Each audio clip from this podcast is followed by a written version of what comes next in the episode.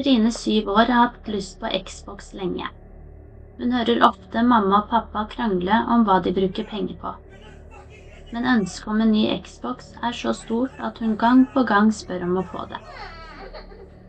I ettertid tenker hun at pappa nok synes dette var masete. Han ble jo sur når hun spurte. Så skjer det. Pappa er borte flere dager. Så kommer det en dame hjem til dem. Hun forteller at pappa er i fengsel fordi han har tatt penger som ikke var hans.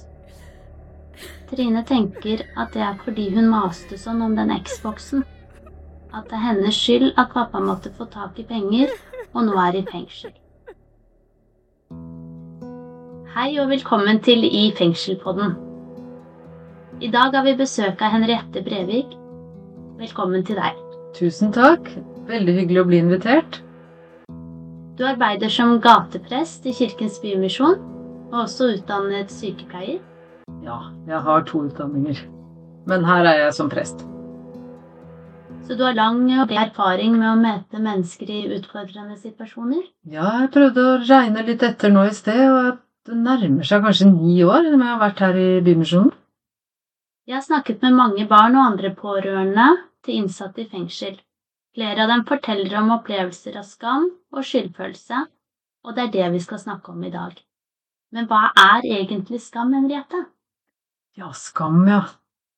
Det er veldig stort Eller kanskje en veldig stor følelse som kan fylle veldig mye i oss. Og som du sa, så har jo jeg ofte ganske mange samtaler med folk, og kanskje særlig når det har over tid klumpet seg litt til.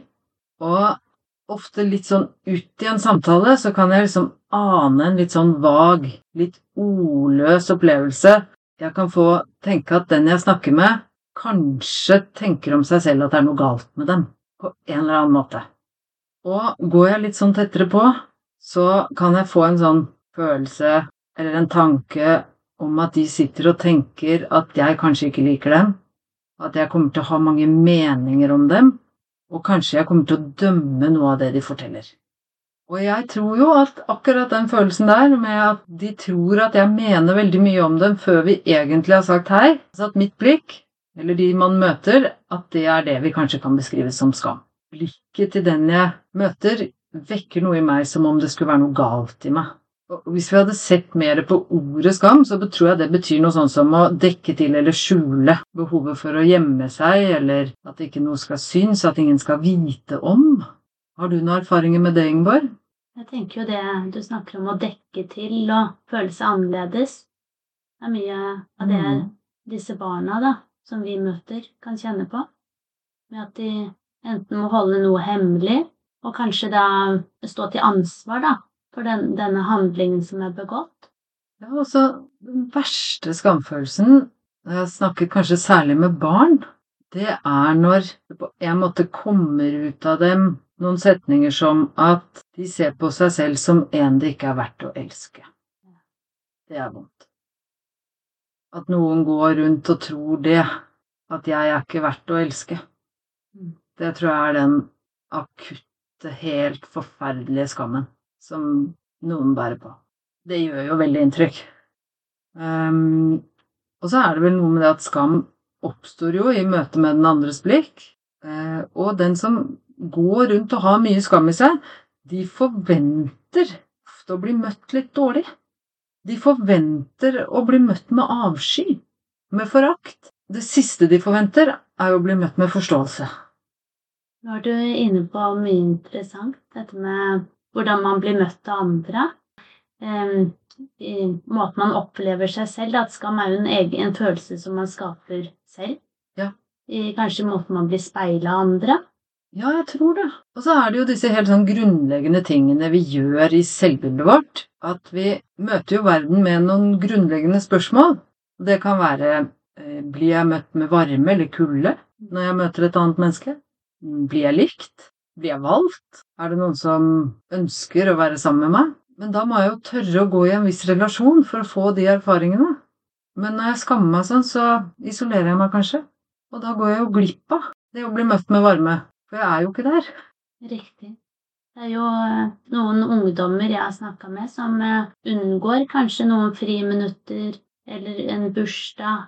Man unngår, som du sier, å bli møtt på kanskje egentlig en god måte. Ja, man mister, mister så mye av den, det naturlige og det gode i et fellesskap. Alt det som vi kan bli tilført av trygge, gode relasjoner. Jeg vil si som skammen røver fra oss. Forstår jeg det riktig, da kan man få skam for noe andre har gjort, da? Eller noe Ja, jeg har tenkt mye på det der, og barn er så utrolig lojale. Vi er så grunnleggende avhengige av at det er noen voksne som tar vare på oss. Og da har ikke jeg så veldig mye tid til å holde på med egne behov. Hvis jeg er veldig opptatt av enten å skjule at eh, mamma eller pappa er i fengsel, eller passe på den forelderen som jeg bor med. Det er mange hensyn dette barnet og ungdommen skal ta. Det er mange hensyn. Vanskelig å finne ord og språk. Hvis man ikke har blitt speilet på en følelse, så kan det være vanskelig å vite hva det er man kjenner på. Vanskelig å vite om jeg er lei meg, om jeg er sint, om det er skam, om det er skyld, om det er selvforakt, hvor er iver, begeistring, alle disse grunnfølelsene som vi jo heldigvis er utstyrt med. Og så tror jeg skammen blir et sånt lokk som legger seg oppå absolutt alle de følelsene, og blir den dominerende følelsen som vi tenker om oss selv med. Og da mister vi så mye av farvene. Så er det kanskje enklere egentlig da å dekke til med andre følelser, som sinne, da.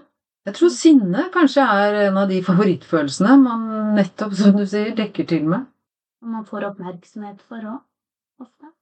Ja, det er jo kanskje en, en oppmerksomhet som i hvert fall ikke hjelper oss inn i et fellesskap. Du nevner dette med fellesskap eh, flere ganger. Um, hvorfor er det viktig? Jeg tror det er en kraft i fellesskap og i relasjon som er et motsvar til skammen. Fordi mitt inntrykk som sjelesørger og som en som har fått snakke med mange som har hatt store utfordringer, det er at skammen har en historie. Og når man først begynner så vidt å tørre å ta den jobben med å klare å si noe til en man har gått litt vei med, som man etter hvert tør å åpne seg opp til, så er det noe av den skammen som kan sprekke.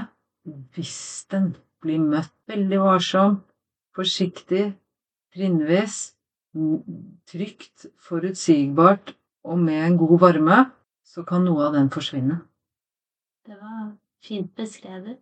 Mm. Eh, kanskje da at åpenhet og bevissthet da, fra de andre som møter disse personene, er liksom motgift.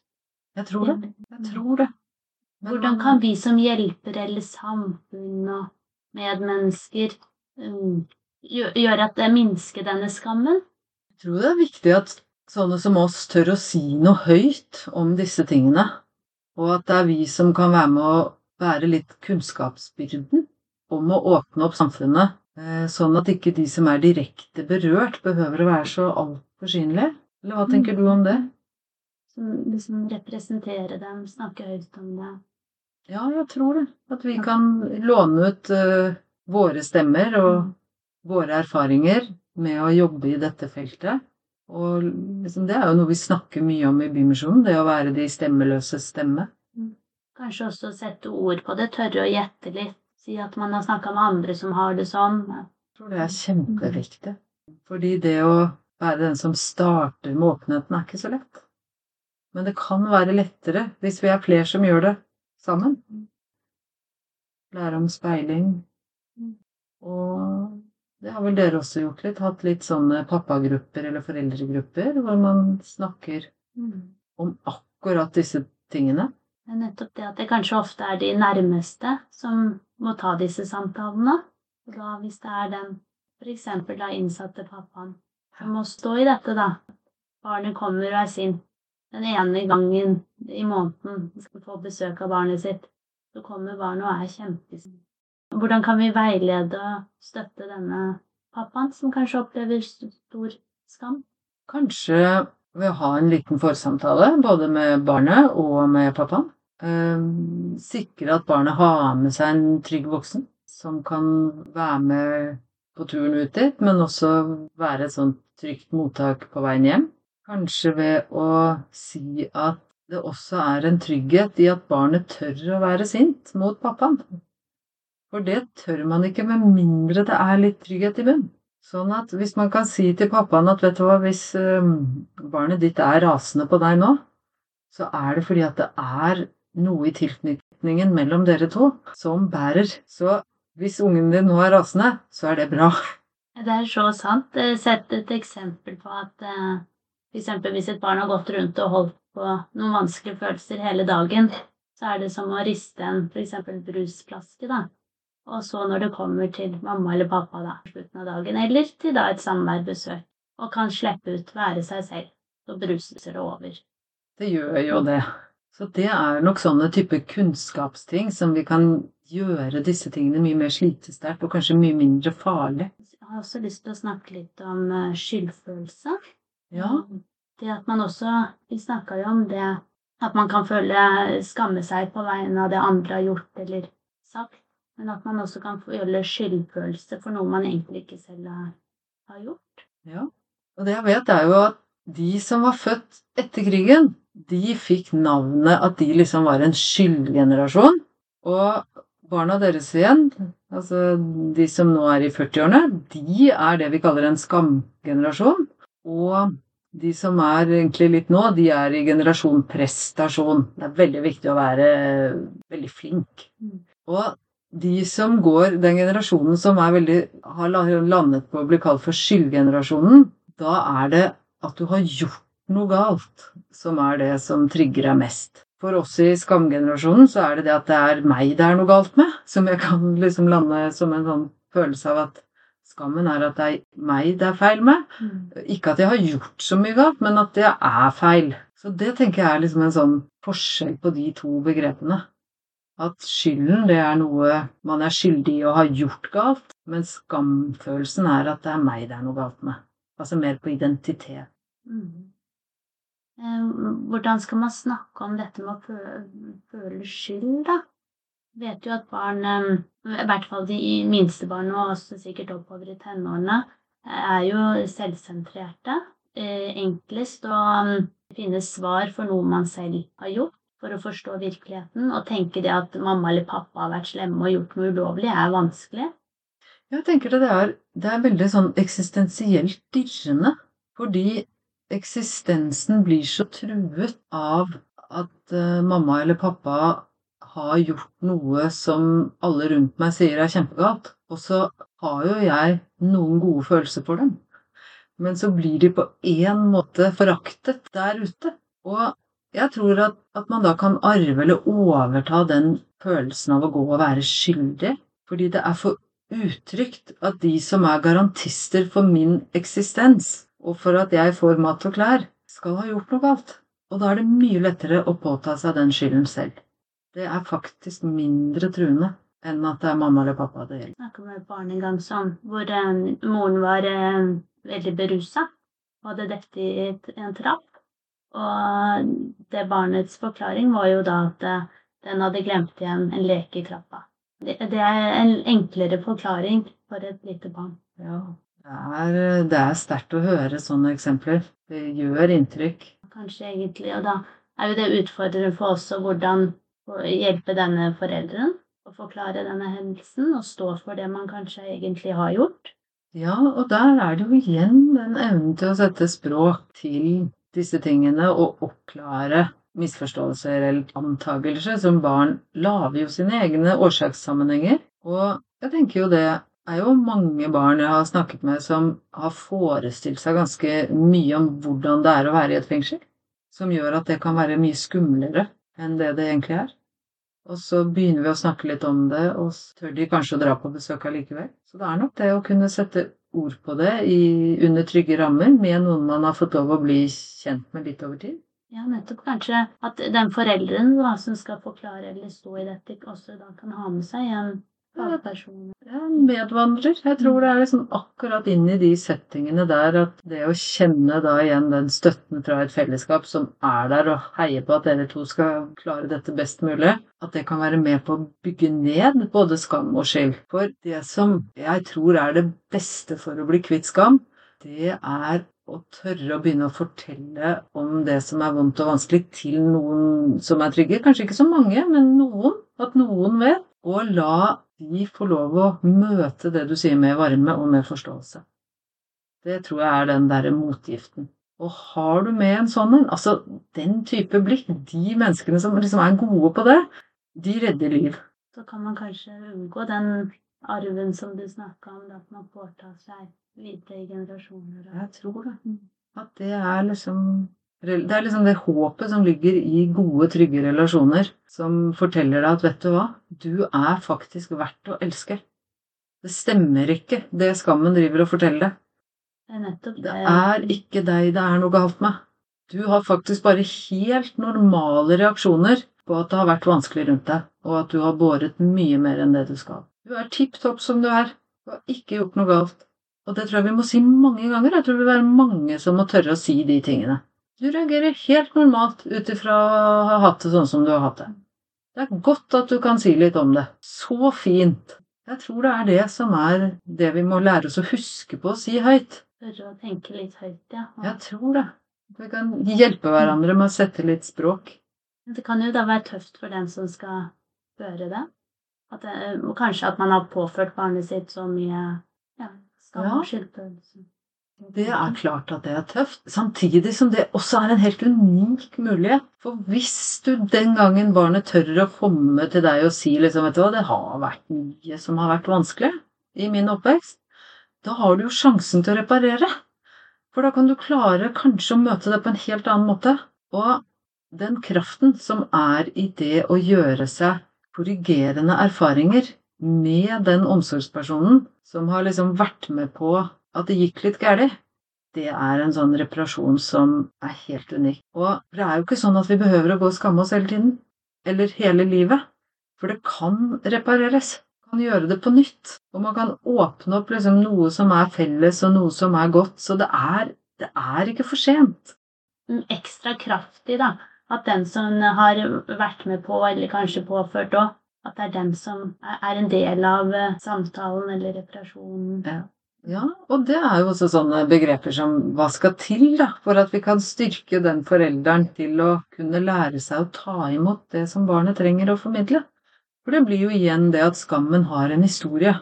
Og når den historien har blitt tatt imot varmt og varsomt og med forståelse, så er den kanskje ikke så tung.